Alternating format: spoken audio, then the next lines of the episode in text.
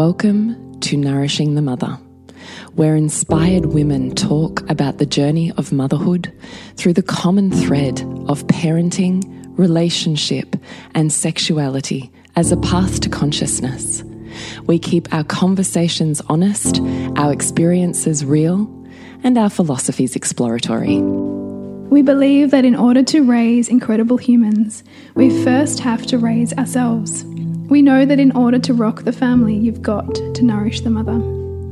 If you are here, you care about paving a path of conscious and intentional motherhood, connected with yourself and your gifts, and also illuminating your children in theirs so we may raise more whole humans who can impact this world in a more humane way. If you desire to integrate this learning practically and supportively into your life, then Soul Driven Motherhood is your space to go deeper head on over to nourishingthemother.com.au or follow any of the links on our socials for Soul Driven Motherhood. We are Julie Tenner and Bridget Wood, and we're so grateful you're here. Hello, and welcome to Nourishing the Mother. I'm Bridget Wood. And I'm Julie Tenner, and today's podcast is a very special one. It's loving your body through your fertility journey with the conception psychologist Cath Corcoran. So we are absolutely delighted to take this conversation in ways, spaces, and places that perhaps are new to you. And we hope at the end of this offer you some really heartfelt opening gratitude and places to continue with your journey. So, before we move on, I would love to remind you to jump onto nourishingthemother.com.au, scroll on down to the red banner, drop in your email, and you are part of our online community, which means you never miss a beat. And we send you emails of everything that's going on, so you are simply a click away. So, beautiful Cath, conception psychologist, welcome onto our podcast. Thank you so much for being here. Thank you for having me, both of you. Great to have you on. It's a topic that we've only briefly touched on, I think, in recent years. So it's really great to be cycling back here and providing such rich insight and I think space holding, um, which is what you're going to offer to, to our listeners. So thanks for being here. Very welcome. Thank you for having me. I'm going to share a little bit about you to our listeners if we can sit tight and listen in. So, Cath is a successful conception and fertility specialist and perinatal birth and postnatal consultant. She is an experienced psychologist in both clinical and counselling settings. Cath has over 20 years' experience working as a psychologist. Her work has been within psychiatric settings, working for major hospitals rurally, and for the Royal Children's Hospital in Melbourne, in addition to her private practice. Cath has been called exclusively to work with and has passion to assist couples wanting to have children. Her focus is to bring consciousness to the conception process. Cath has been professionally pioneering fertility psychology in Melbourne for a decade. Personally, 17 years with her own pregnancies, including conscious conception and mindful pregnancy. She is thoroughly across pregnancy, birth, and developmental psychology through psychiatric employment and formal education. Cath works with individuals of any gender and couples who are trying to conceive, both in conjunction with assisted fertility treatments or looking to start a family and have been trying naturally. Her work is not limited to those who have never conceived. Many women she sees have experienced miscarriages and or have already had a child and may be finding it difficult to conceive or carry another child. Cath breathes fresh air into any presenting issues with a therapeutic approach and holistic view when working with people. She is a firm believer in the mind body connection and treating the body as a whole, not as isolated systems. As a psychologist, she feels her role is to help people find their own answers within themselves, inspiring and supporting them to make shifts, to change and to transform, to thrive, not just survive. Cath believes many people still feel that conception and having a baby is purely physical. Her aim is to shift that paradigm, and her work has highlighted that the mind and body are connected, and that once people are conscious and aware of the psychological impact, they are able to shift some long standing difficulties and ultimately assist in the process of conception and having a baby. Mm -hmm so many juicy places and spaces. Yes. So I wonder, Cath, if just to give us some really beautiful insight and safety around the conversation is how did you get here specializing in what you do? Yes. Uh, it, it's it uh, basically it's my own journey. Um, I it, I followed the path basically, um, and uh, I started my career in psychiatry in hospitals um, and with adults, and it, it all really ties in nicely. I feel with helping women and men trying to conceive and, and have their children. Um, because I moved from adult psychiatry into child and adolescent psychiatry. So then it gave me the link of the developmental aspect. Um, and then from there uh, was led into infant mental health and, and parent, uh, infant and parent mental health. Um, and so then I had my own children. Um, and from there, I, I really became empowered to have and, and create amazing birth experiences, but also support other women to have those birth experiences. I think there's been a major shift in in the paradigm of birthing um, and I'm passionate about women having amazing um, births. So that's where I, I thought, well, how do I bring my skills of psychology across to this space? Um, and then I ended up having some success with working with couples trying to conceive. So it all just linked together, and uh, I was provided with this, this space to work in. Ah, I'm so fascinated by what fertility psychology actually means. How would you define that? Yes. So, uh, fertility psychology, I've started to use in, in my practice, and there it isn't particularly something uh, clinically identified or even within the psychology field. There, there isn't something called fertility psychology. I'm very conscious about words that we use. I know that a lot within uh, the field of fertility actually space it within infertility uh, I I'm it's important for me to use positive aspects. I'm not doubting that there isn't issues around infertility, but I, I want people to get conscious about the words that they're using and about the space they want to create. So I suppose that's what led me to calling it fertility psychology with the work that I do. Um, it's becoming basically conscious about how psychology can weave into the aspect of fertility. As I said, well, you guys said in introduction, it's it's important to note that the mind and body are connected, and how do we relate psychology within the fertility field or infertility field, and what that looks like. So that's, I suppose, the basis of my work. Mm. Do you perceive that when people approach their uh, fertility or infertility journey, however they choose to identify with it, with an aspect of delving into their psychology and moving through the emotions that come up with it that that can have a literal effect on their capacity to conceive? Or are you more talking about it from the perspective of this is a way to really move you through a process so you feel wholesome through it? Good very good question. I uh, there's, there's two aspects to it. Is it is the first aspect of moving through that process and working through it and dealing with it as best we can and in that space. Um, so working through each emotion that might happen. But I think that the other aspect and the one that I'm really passionate about is is let's get to the to the root system of any underlying psychological issues that might I talk in terms of energy might be causing energetic blocks. Now I know this is difficult for a lot of people to hear that they they sometimes sit purely in the space of it's a physical aspect. Mm. Not doubting at all that it's not a physical issue. What I am saying, though, our body has an innate intelligence, and and sometimes we have to be aware that that our our stresses, our experiences of life can actually impact our, our body in certain structural ways.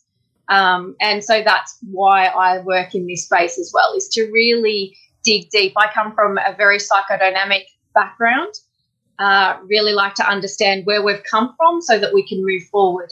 So, in understanding the psychological underpinnings of our history, sometimes it, they know through even childhood trauma studies that if you've experienced childhood trauma, you have a higher likelihood of physical problems and uh, psychological issues. So, why does that not relate also to um, trying to conceive and have a baby as well?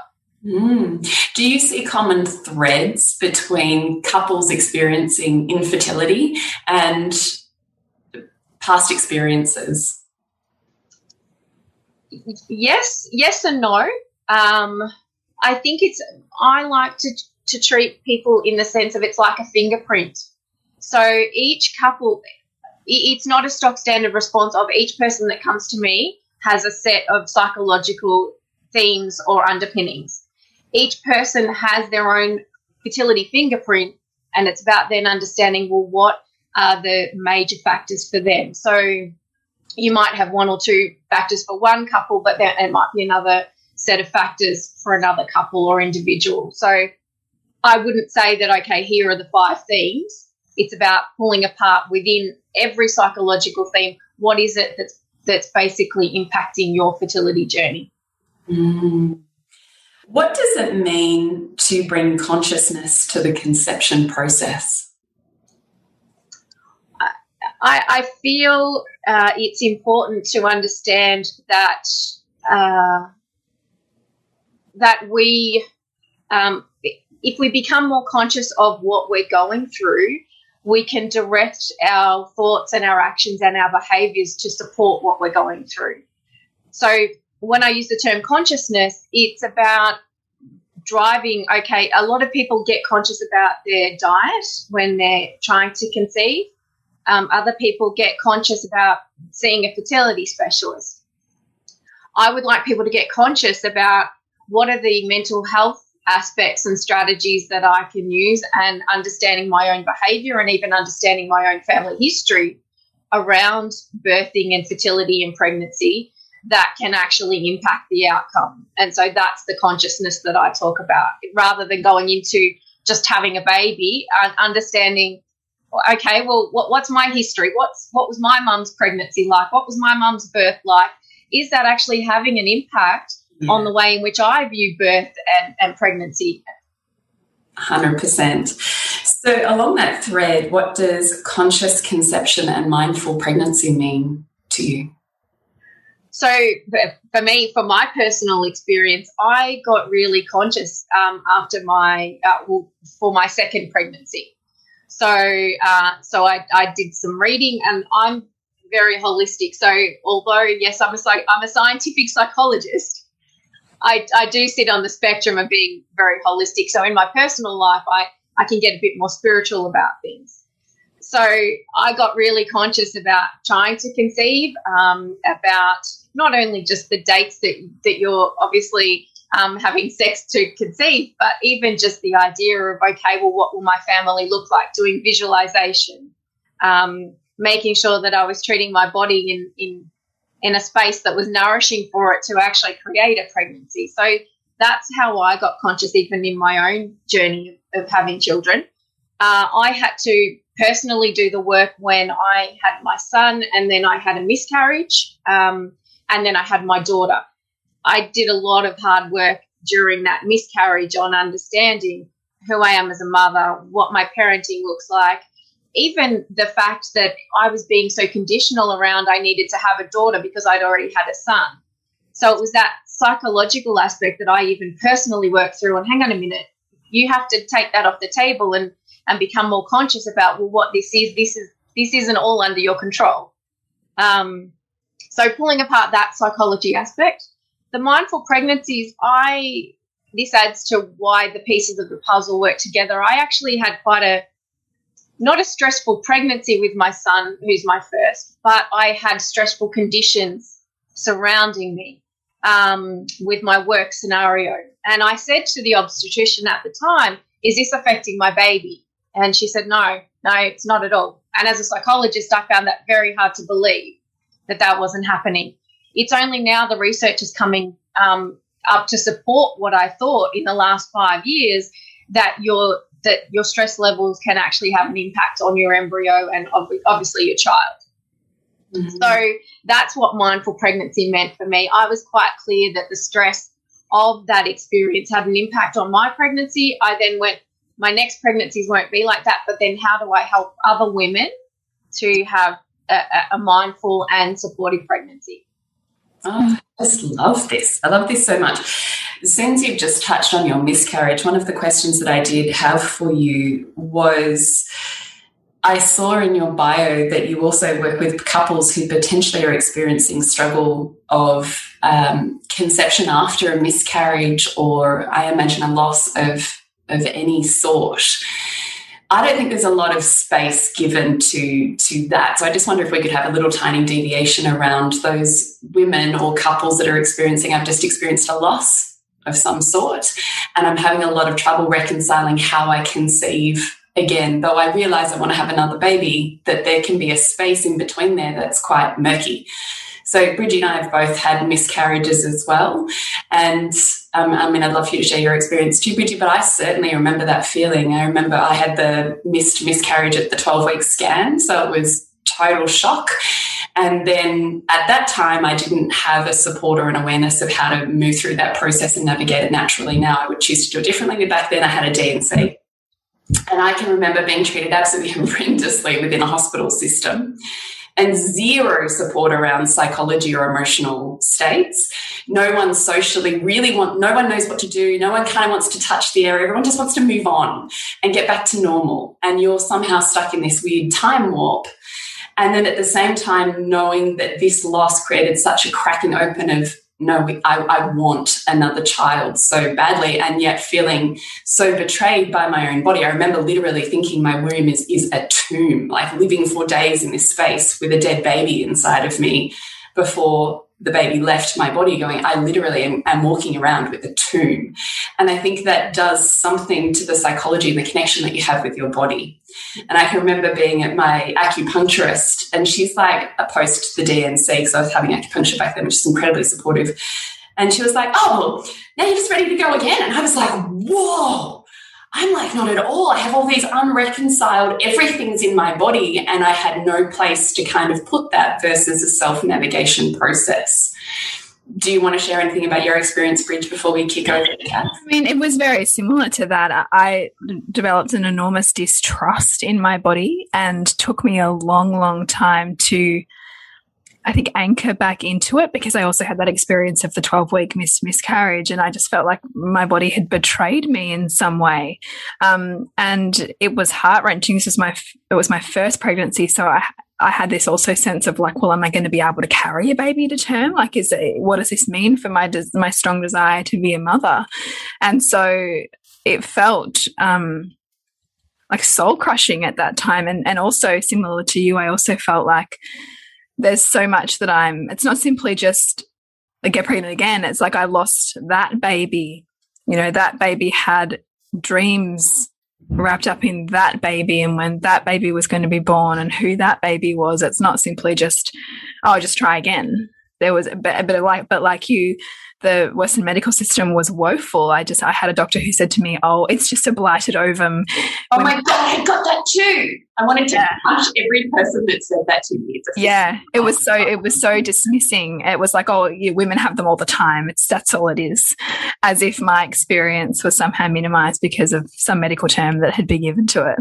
Um, and yeah, of course, no psychological support, and also being having a D&C in the maternity ward um, so going to a matern- being cared for in a maternity ward, um, you know, with women having babies and you having that baby taken out of you, like that was really um, jarring as well as an experience. And yeah, no point was any kind of like psycho psychological um, service recommended or offered, or even that you might be challenged psychologically from the experience. It was was, you know, and of course, like so many women, and like you too, Cath, in terms of your first baby putting you on that mindful pregnancy path. This put me on the most intentional pregnancy and parenthood path because of that um, gaping sense of being unmet by a system that I thought was going to help me. So I know we haven't articulated a question very well no. but what is hopefully painting the picture that our listeners can um, relate to that there is a huge gap in mm. the system, socially, emotionally, mentally, and physically, in this space of I've just experienced loss and grief, and I can't reconcile how to love or trust my body, but I want another baby. How, I just, I guess I'm interested in how do you see that space? What do you think women or couples need to move through before they're really ready to go there again and all? Yeah, wholeheartedly. Yeah. Yeah look I, i'm i'm not one to put times or dates on when people can go there again or even um, tick boxes on on meeting certain criteria.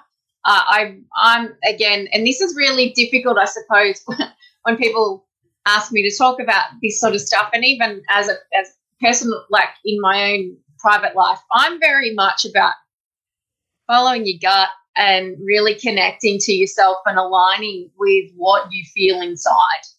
Uh, if you're feeling that confused about where do I go with this and not getting any answers outside of you, then it really, I get people to really connect within. Um, and, and in their heart space, it's not not head, it's, it's heart space, and really say, where am I at with this? Am I am I feeling like I can move forward with that uncertainty? I think that's the big part for a lot of women when they have had a miscarriage and have had the loss. It's about the trust of the uncertainty again. Uh, when we have fear around the uncertainty, then it, it probably isn't that when we're not ready to go again because we're sitting in that space of fear, which one psychologically isn't helpful, but two on a physiological level, fear creates all these different hormones in our body that wouldn't assist the pregnancy.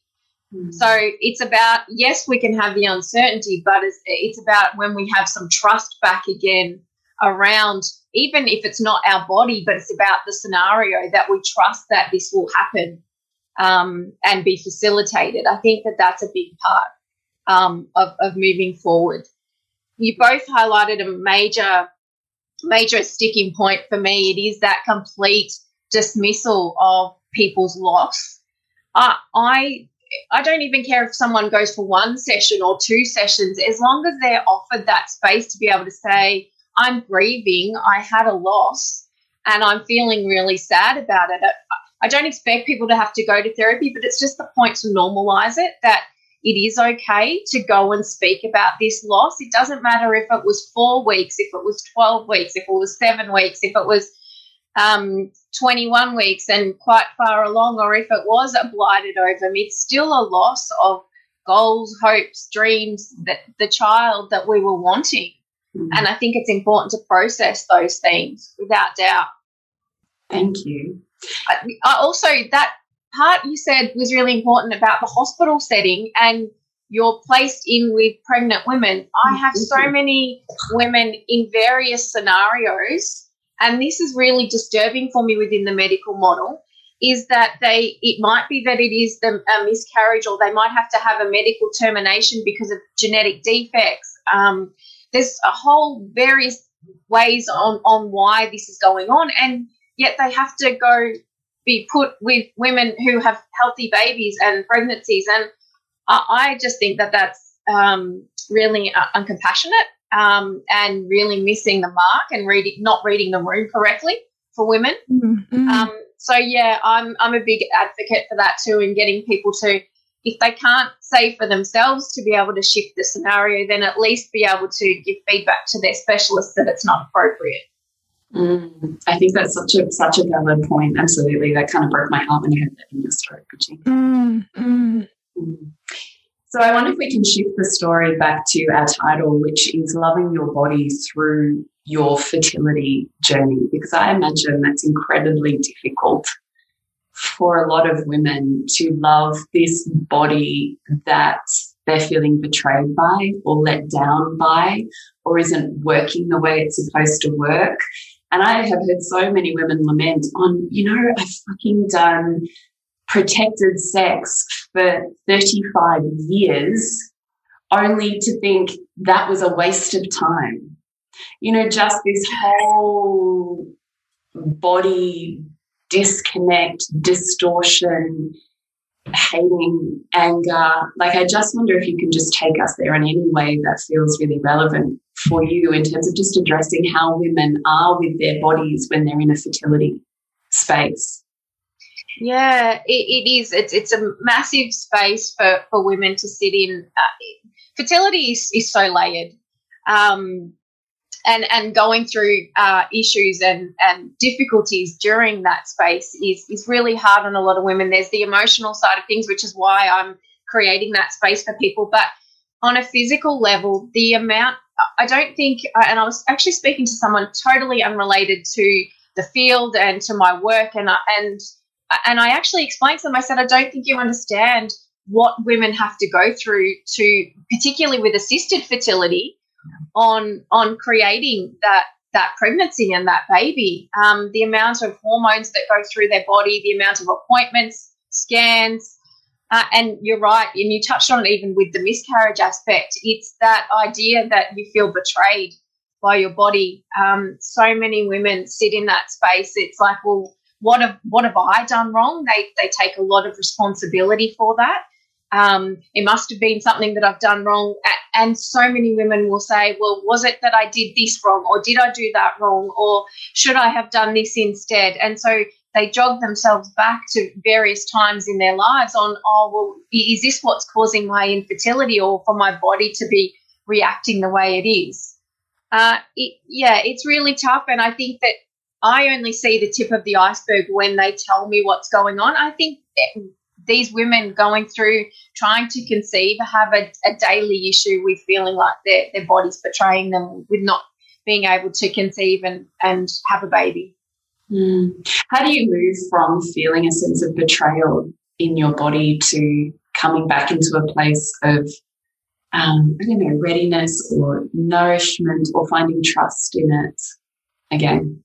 Yeah, that, that's a really important point. I love the fact that your podcast is Nourishing the Mother because that energy is completely what I get women to engage in. Is it's important to sit in the space of what energy, again, I'm talking in terms of energy, you want to create for that baby, create for that pregnancy. And so I get people to connect, whether it be through certain words that they use, uh, whether it's certain situations they expose themselves to, and really bring them back to asking that question how am I nourishing myself?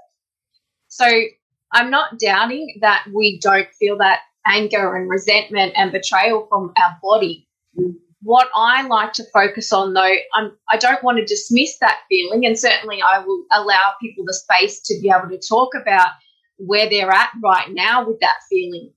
But my point throughout therapy is always let's not unpack and stay there. So acknowledge the thought and feeling and the emotion, but then let's say, okay, I have dealt with that today. I'm not saying it won't come back up again, but right now, today, I have dealt with that. Now, what am I choosing instead? Because we're not going to unpack and stay there. So then it's about, as I said, choosing language that we use, activities that we engage in, and really shifting the perception on, well, okay, what are the things my body is doing right? How can I nourish my body? How can I start to love it a little more, even though I'm feeling quite angry and upset about it? I really love that you said, sorry, Bridgie, it, I'm dealing with it today, not to mean it won't come back tomorrow, because sometimes I think that's, that's that's the killer or the kicker is the monotony of I'm having to deal with this every single day. Do you see almost like a fatigue or an exhaustion within couples if they're like the rest of the world might be going about their business, but every day is like mental ninjahood for me, just moving through this. Completely, completely. Uh, and and look, there's various ways in which we deal with that fatigue. Um, I get people to block out their energy and their time. Um, it's about time limiting focus. We have to create balance. Although we know what our goal is and what we want, we can't constantly focus on it because you're basically like a, a, a hamster on the hamster wheel in one space and ruminating and going over that same space. So you are going to get exhausted if we place all our energy in one in one area. Uh, so the balance is important. Again, I'm not dismissing that this is something that is that is com- completely um, uh, life consuming and important. But I think it's it, to survive this and to get through this space, we really have to balance it out.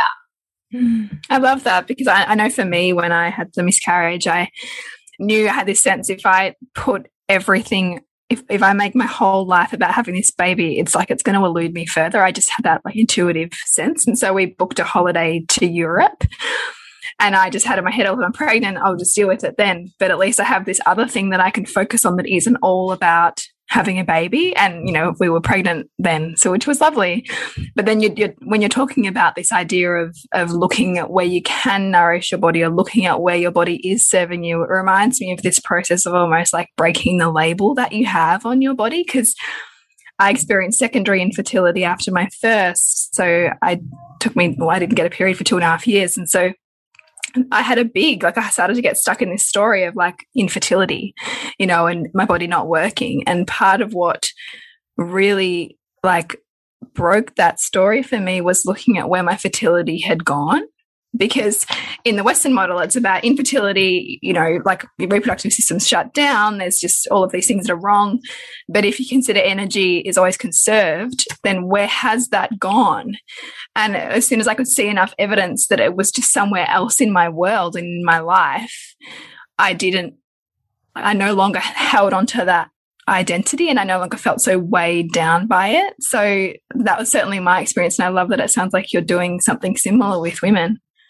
completely. I love the fact that you're able to say, okay, this energy is somewhere else in my life. Uh, again, the, look, I this isn't the science aspect to the psychology behind things. Um, I, as I said, very much like holistic way of looking at things, and uh, and there's a the I don't know whether most of your listeners listeners would um would have heard of the chakra system. So we have um, the energy that we have around our fertility um, and reproductive organs is a certain chakra, and that's the creative energy zone. And if we even think about it in in normal terms of fertility, it's about creation. So it's about understanding there's a timeline. Uh, sorry, there's a, a, a, zone on on fertility and creation. We, it's not like it, as you said, it doesn't go missing. It's about reconnecting mm-hmm. to our creation and that energy in that space. So that's where the nourishing comes in, is really focusing on well, where where do I create here? Am I am I misplaced with my creating and my that energy outside of myself, and really drawing it back into focus and um, mm. and look at it that way. And you talked about gratitude too. It's almost like appreciating the form of where it is. Like, so I can love myself for where it is right now, which then creates more room for it to be in the form that I would love it rather than me constantly looking at myself and thinking it's missing it's not here it's missing it's not here. And certainly in the in the process of, my, of going through my miscarriage it, it, there was that waking up every day and remembering oh yeah i don't have a baby growing in, in me anymore you know and that reality like it was like groundhog day. And so this is so empowering i think to to look at it through this lens that that you offer. Mm. yeah gratitude is definitely important. And look i don't like gratitude as lip service as though, oh, look, you've just got to be grateful for life. Just get on with things. I'm, yeah. I'm not into that at all. I'm very honest and raw and about people experiencing their feeling. Yes, we are feeling what we're feeling, but what are the aspects of it? What I call uh, and what I tell people, it's mining for the gold. So when we're looking for gold, we we mine and we pick up a whole heap of sludge, but there has to be some gold specks in there that we find and that's what the gratitude is is those gold specks. What did i get out of this experience? It was a horrible experience but i learned more about my body. I learned more about my um, my communication with medical professionals. I learned more about my relationship with my partner and and us being a family. Uh, i learned about my support system. So although the experience has been hard there is always something that comes up to be grateful for. Mm. I wonder one of my questions also is Bridgie and I have often ruminated on in order for there to be a manifestation like a baby, there needs to be space that's open and available for that baby versus the couple or the person who's just super fucking busy with their life and they're like wanting this thing to fit into it, but there's no actual creation of space for that new creation to enter. But that seems, as I can read read the people I've spoken to about, seems like very difficult to wrap their heads around. So I wonder if that's an experience that you see and what wisdom you might have to share on that. Yes, that really fantastic point. That's part of the fertility psychology. So that's the aspect that I get people to really look at is what I term are you keeping baby in mind? So what that means is is I don't want you to be that focused on trying to have a baby and what's my body doing right and wrong around this process. But it's about saying, will my life fit in a baby, as as you've both highlighted? Will it fit in?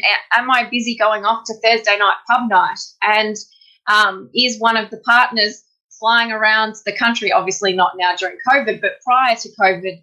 Uh, it's about understanding, yeah, will our lifestyle fit this baby in? If not, I'm not really keeping baby in mind.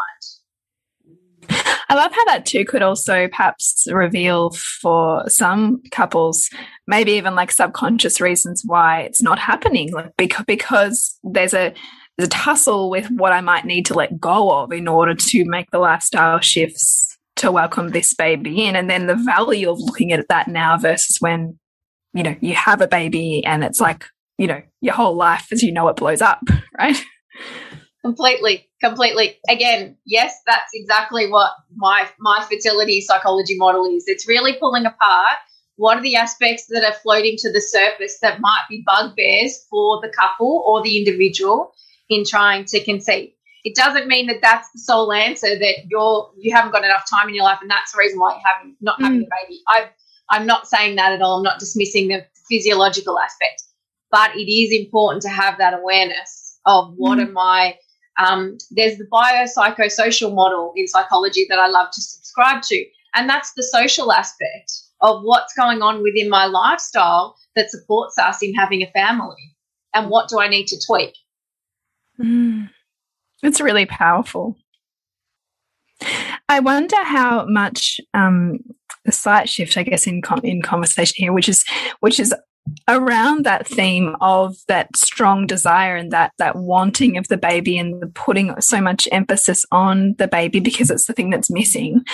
And how you assist those couples and those women to when when they finally do become pregnant how they um, transition into life with a baby because we do know that there are higher rates of PND and other um, depression and things like that for women who've been through IVF because of perhaps the intense focus on that um, desire, you know, and, and the immense immense amount of work that goes into creating it. I wonder if you could talk on that. Yeah, it's it it's interesting because I, I feel like there's two types of people that sort of have the the IVF experience or the assisted fertility experience. It's those that it's sort of like a weight off their shoulders, and then they just slip into motherhood and it's like, oh, I've, I've got what I wanted. I'm okay now. But you're right. There are other mothers that actually are like, okay, well, I, it's sort of like it, they were quite not not intentionally, but it was sort of like having the um, blinkers on, like the horse blinkers on, and, and narrowing into the end goal, uh, which was more about the pregnancy and and getting pregnant and then not realizing, okay, we have to shift into the model of, okay, we're, we're, wanting the baby. And it's not saying they don't want the baby, but it's more their end goal was just, okay, I've just got to get pregnant. So mm-hmm. I think that that's even part of the transition issue is actually long term having that awareness. Once we get conscious about conception and fertility, we have more of the, it's not just pregnancy and getting to that first stage, it's actually long term about dreaming family and life and what that actually looks like. So mm-hmm. I think a big part of that is is even just getting people to and I, now I'm speaking to you. I think some of it probably gets impacted because of fear. We don't want to look to past the pregnancy or birth because we fear that it won't happen because we have wanted it for so long. Mm. So some of it is processing that fear, but some of it is also have having that hope and that faith that we will get to the next stage. So let's let's engage in some dreaming and hoping and what it might look like to transition into the next stage. I think is really important. Mm. Mm. And I imagine would also assist with some of the potential parenting challenges that can pop up when you if you haven't examined that. Without doubt, without doubt. I'm finding um, a lot of issues around, and this is more developmental psychology, more when I'm see, when I was seeing children, um, as in like at the children's, or even I don't really see them in private practice anymore because I'm so focused on the fertility stuff. But before that, there would be sort of a parenting style where they didn't want to get their child offside because they wanted them so much and they didn't want anything to go wrong with them. So the, the child didn't have as much structure and routine and maybe know around them. Mm. So I think that that's important to have that awareness too. Is Uh, and again, this I, I think links in also when people are pregnant and they don't want to complain about their pregnancy or their baby or their child because well, hang on a minute, you wanted that baby, so you just have to deal with the consequences. And uh, a big part of my work is is normalizing and reminding people that and women it's okay to say I feel sick during my pregnancy, even though I wanted this so much, or this is this isn't what I expected, but it's okay. I'm still happy to have this baby. I think that too many people have this fake positivity going on that we have to always be positive about things and we have to be honest. We have to be aligned. We have to be mm-hmm. able to be vulnerable and share whatever the emotion is that we're feeling. So I think that that's probably a big part of going into the next stage too of support for women is that it's allowing people to feel what they need to feel, even though they have wanted this and it has been such a long journey. Mm. Gosh, I love that point so much. I, I just think that's that could be life changing and saving for people. Yeah and allowing that that two-sided experience right? Like it's like you don't live in a one-sided world and and it's it almost creates more angst and depression the more you try to chase happiness or chase you know this sense of constantly being positive. and so to create space for both is so important. And that's really a lot of the work that we do too. I wonder if during the process of assisted fertility, if you could touch on anything that's worth mentioning around the side effects, particularly emotionally for women that are moving through the assisted fertility journey. Mm, yeah, really important point. That so many women um, are affected by the medication, and a lot of the professionals basically tell them to suck it up. You just got to do what you got to do, and you want to have this baby. It's just part of the process, and so I, I provide that space for women to to speak about what might be making them uncomfortable and also understanding sometimes the hormones can actually uh, can affect even just our psychology and our well-being and our mental health whether it be through feeling um, low and flat um, with our mood um, around because we're feeling bloated with the amount of medication that we're having to inject. Other people they have to be put on prednisolone um, as part of the immune suppressant. And so they then start to feel really heightened, which can then trigger anxiety and and they twist themselves in knots around getting anxious about the process. But but even just uh, their body is is actually responding uh, without them even knowing why, and they're thinking, well, why am I feeling so hyper vigilant or so anxious when I thought I was going through this process okay? So that's important to recognize is that although I believe the mind and body are connected, and it's important for us to recognize when we're feeling low and sad and flat or anxious, it's important to remember that sometimes when we're putting these chemicals and medications, understandably, in our body, they still have an impact on us. And, and sometimes it's important to detach from that and say, hang on, this probably isn't my own emotion, and this isn't my reaction, it's probably a physiological reaction and it's coming out in a, in a mental health issue. Mm, I love that. I wonder, as I think about that, I think about the couples who are moving through an assisted fertility process and um, potentially finding themselves in stormy waters. Even though they both might have the aligned goal of having this baby, the actual process is creating some distance and potentially what I can perceive is that there's the experience the woman's having that potentially her partner isn't really fully knowing, understanding, or sinking into, and that can create a bit of friction. Is that something that you see couples going through, and what might be the key things they'd need to remember to move through an assisted fertility with as much integration and harmony, I suppose, as possible? Mm, for sure. Uh, I think even just that mindfulness of having the awareness that okay, we might not necessarily be aligned together at this point in time and feel like we're rowing in different ways with our boat, but that we are still focused on the same goal. Just that explicit communication of I'm feeling this or I'm feeling that. Even going back to that previous question about well, how do how do we feel with our body? a lot of women feel quite alone when they're having to do the injections and take the medication and go through all the procedures and and the men feel like they're a bit on the outer like okay well how, how do i help you? What am i doing? I feel like i'm a shag on a rock. So again explicit communication where am i at right now? I've been having this medication feeling like it's making me edgy feeling like it's making me irritable. So then at least the other person who's not going through the actual process can provide either some support or whatever is identified by by the couple and by the individual, I think is is important. Mm. Uh, other aspects are, are, really more along the, the couples counselling side, and that's it's interesting you've brought this up because a lot of my work has actually shifted and evolved into I do a lot of couples work now, and as part of that, it's about recognizing well, what are the things that are breaking down for the couple, and it might be just intimate time spent together that doesn't necessarily involve having sex, but it's about just having meaningful connection with one another. That can bring people back together as well. It's recognizing a really important tool I use for people that you have both probably heard of is the love languages. Mm.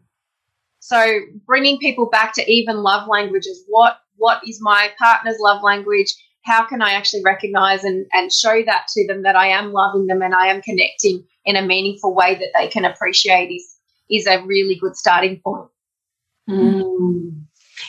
So before we move into our quick fire question that we ask every person who's interviewed on this podcast, I just want to offer to you, is there anything that feels left unsaid on your heart, in your mind or your body that thinking about the woman who's listening to this who might be in a challenging experience of her own fertility, is there anything that you would like to say or that you feel is left unsaid for her? Mm, yeah. Trust trust your body, I think is really important. Even though it feels like it's not doing what you want it to do right now, it's about trusting that your body can do what it needs to do and, and if it's not able to do it, it will communicate in some form with you, with whatever's going on for it. So it's about listening to yourself and listening to your heart and your intuition or your instinct around what you think is going on for your body and really connecting to that. I think that helps with the psychology of working with fertility and, and your journey. Um, I think that that's probably most important is continue to trust your body even though you feel like it's failing you. Mm. Thank you. It was nourishing just to hear. So our three quick fire questions. I'll ask the first one and I'll hand over to Bridgie who'll ask the second two. So the first question is can you think of a time that you would be willing to share with us where you have experienced a wound or a challenge of some sort that you have gone through a process and mined some wisdom out of it and we're wondering if there's an experience you could share with us what it was perhaps pieces of what you went through and then ultimately sharing with us what the wisdom is that your life experience has gleaned. Yes. I'm very much a self reflective person. So, whatever I go through, I always try and get something out of it, um, whatever it may be. A, a pivotal one for part of my journey, I think, that's relevant to, to I suppose, women and having babies and, and pregnancy. Um, and birth, particularly. Uh, my third child, my daughter, she was actually sick. Um, perfect natural pregnancy and birth. And then on day two of her life, she actually started having seizures.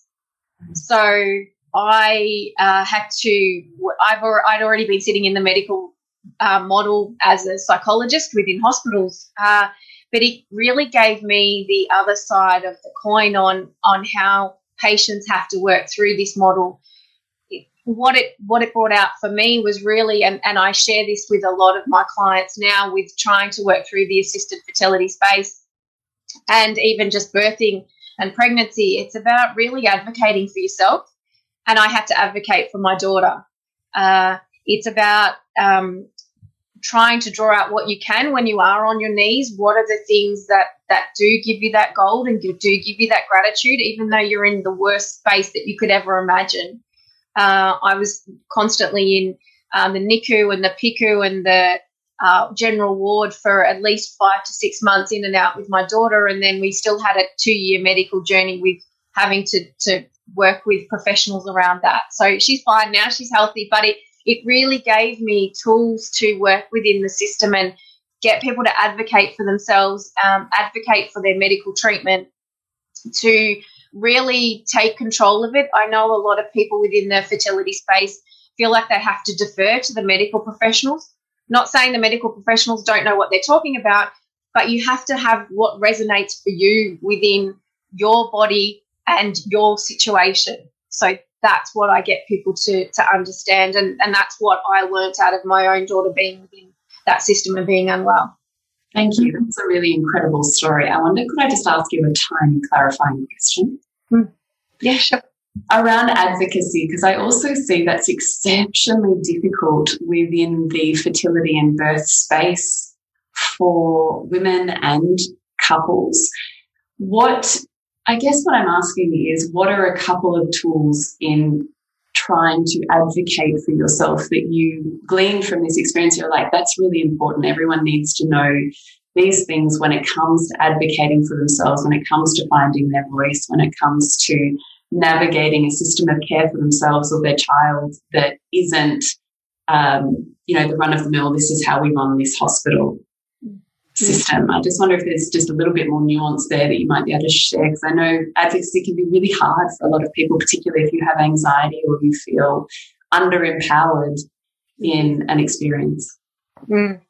I think information is important. So being forearmed with information and, and not, yes, we can Google information, but certainly make sure it's from a reputable source and, and move through it that way. I was lucky enough, particularly with some of my advocacy with my daughter, um, I, I, knew some of the medication they were wanting to use or the way in which the process works. So I was able to, to use my background. So use your background or use people within your network that might have information. I think the other important part is um, is be clear about your non-negotiables, so that there might be certain things that you're you're not quite sure on, and you could be led by the professional without doubt. Other things, it's important to, to ask more questions if it's a non-negotiable. Mm. Um, the other thing is, is particularly in the birth space, I regularly advocate and get women if they want some support to either get a private midwife or a doula to support them in advocating in that birth space because sometimes that they're them and their partner don't feel comfortable to be able to say yes or no to certain things. So this enhances it because the people that are supporting them know the medical model and know the information. Hmm. Yeah. Thank you. Thank you. Our next question is thinking about a book that you think every woman needs to have in her hand, what book would you give her? Okay, I love anything by Brene Brown. She's mm -hmm. amazing. Um, so I, I, would suggest Daring Greatly or any of the books that Brene has done and her TED Talk. I yeah. think vulnerability is really important in in our world, and vulnerability is showing that we can all have our feelings and emotions, uh, but also feel empowered to move forward with with what we feel as well, not to constantly hide or feel shame or guilt for having less than positive thoughts and experiences. Mm. Probably hurt. The other one, because I, I am aware of um, significant books that helped me, and it was "You Can Heal Your Life" by Louise Hay. The the, the Bible for a lot of people. Um, some people don't like her work uh, and and find it uncomfortable with some of the information she presents. Uh, but I absolutely, she was, she grounded me in the mind body psychology. And I'm so forever grateful that she's put me on this path because I can't see life any other way. Mm, it's so rich for you know for people to know too, like that you work from that kind of more holistic model as well from a psychology point of view. Mm. I think it's great. Now, if you could have a billboard on a highway anywhere, what would it say? Yeah, I there's so many um, you want 10? You want 10 billboards? yeah, 10, please. um, I think the big one, there's, there's, if, can I have three? There's three. three sure. um, the, the, first one is, um, is uh, trust the process. So really trust the process. Although we might feel like we're going backwards and forwards or two steps back, one step forward. Trust the process because we will be okay. Each and every one of us will be okay with trusting that process. Mm. So that's a big one for me. Um, the other one is always infuse your life with loving intention. Whatever you're going about with your life, have that loving energy come from a heart centered space. It, it makes life a whole lot easier, lighter, brighter, and more loving with everyone around you. Mm, love that. And, and, the final one, it's more spiritual, eh, but I used to have it on my business cards when I was doing general psychology. And it's the phrase Om Mani Padme Hum, which is basically the jewel of the lotus resides within. So my psychology take on that is answers are within. You will always find the answers inside yourself. You don't constantly have to look outside and look for the gurus and and read all of these books. If you sit silently and quiet, quietly, you will actually come to some of your answers. Mm. Oh, that's yeah. I'd love Sorry, that was my. I got. I needed three. oh, they were great. I'm so glad that you chose three. so, Cath, for our listeners, we'd love for you to share how they can connect with you, follow you, find you, and how they can engage in your services. Sure. Easiest way is probably on socials. Um, Instagram, I'm uh, the conception psychologist on Instagram. On Facebook, I've, I put some things on Facebook, but it's only a small page, and so it's Cath Corcoran psychologist. Uh, and then you can Google my name and Cath Corcoran psychologist. You'll find all my details. I work in Albert Park and in Geelong. And then uh, the rest is on um, online in telehealth, particularly because of COVID. So that's probably the best way to find me. So you're in, you're in Victoria, and of course you're also everywhere that people might want you if, if you work on online too. Completely, yes. You can definitely work with me um, anywhere in the world. I have had um, clients in the UK, in um, where else has there been? New Zealand. I've had people in WA, Queensland. Um, so various points, definitely on telehealth. Beautiful. Amazing. So we will have all of those links in the show notes. So if you're unsure on the spelling or any of the taglines, then please just scroll down to the show notes on the podcast and you will find all of Cath's links there. Are there any other ways we can work with you? Is it one on one? Is that how we are best to work with you, Cath? One on one, yeah. I sometimes occasionally I'll do some workshops, um, but that's been on on hold for the moment um, because it's better in person than putting it online. Um, so, but yeah, mostly it, it, it is, um, or if there's chats, I'm, I regularly have chats with people or I'll have articles, but if you want to actually work one on one with me, then yeah, follow okay. up those avenues. Thank you so much, Cath. It's been such a rich and delicious conversation and one that is rarely had. So I really hope that this has opened up a really beautiful pocket for women to dive into, to contemplate their own experience and to have some a path to follow should they find themselves in any of the areas that we've spoken about today. So mm. thank you so much. And we're really thrilled to um, offer our listeners too that um, Cath's coming into Soul Driven Motherhood, our membership, to run a workshop, and you know you can have some one-on-one conversations as part of a group, um, part of our community there, which is going to be on Thursday, the seventeenth of June. So if you would really love to connect with Cath deeper as part of our membership, you can do that at nourishingthemother.com.au and Soul Driven Motherhood. Mm. Yes. So to connect with you, Bridgie. It's bridgetwood.life. And you, Jules? Is julietenner.love. Remember to nourish the woman to rock the family. And we'll see you next week when we continue to peel back the layers on your mothering journey. Thank you so much for listening. We literally couldn't do this without you. Please share this podcast with anyone you think it would be medicine for. And if you're ready to ask, in what ways can I show up more fully, live more meaningfully? Parent more wholly, and love more unconditionally? How can I mine the wisdom from the experiences of my life and expand into those challenges? Then you're a soul driven, heart led mama who's ready for conversations and a community that supports her journey. Come join Soul Driven Motherhood. We'd love to have you. And if you feel like giving back a little to this free content, please rate us on iTunes or Facebook, all of which helps the podcast reach more mamas who need this type of tonic for the soul.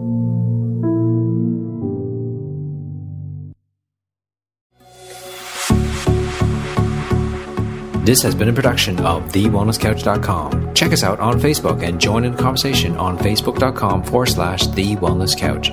Subscribe to each show on iTunes and check us out on Twitter. The Wellness Couch, streaming wellness into your lives. Whilst the Wellness Couch presenter endeavor to provide accurate and helpful information to their listeners, these podcasts cannot take into account individual circumstances and are not intended to be a substitute for health and medical advice from a qualified health professional. You should always seek the advice of a qualified health professional before acting on any of the information provided by any of the Wellness Couch podcasts.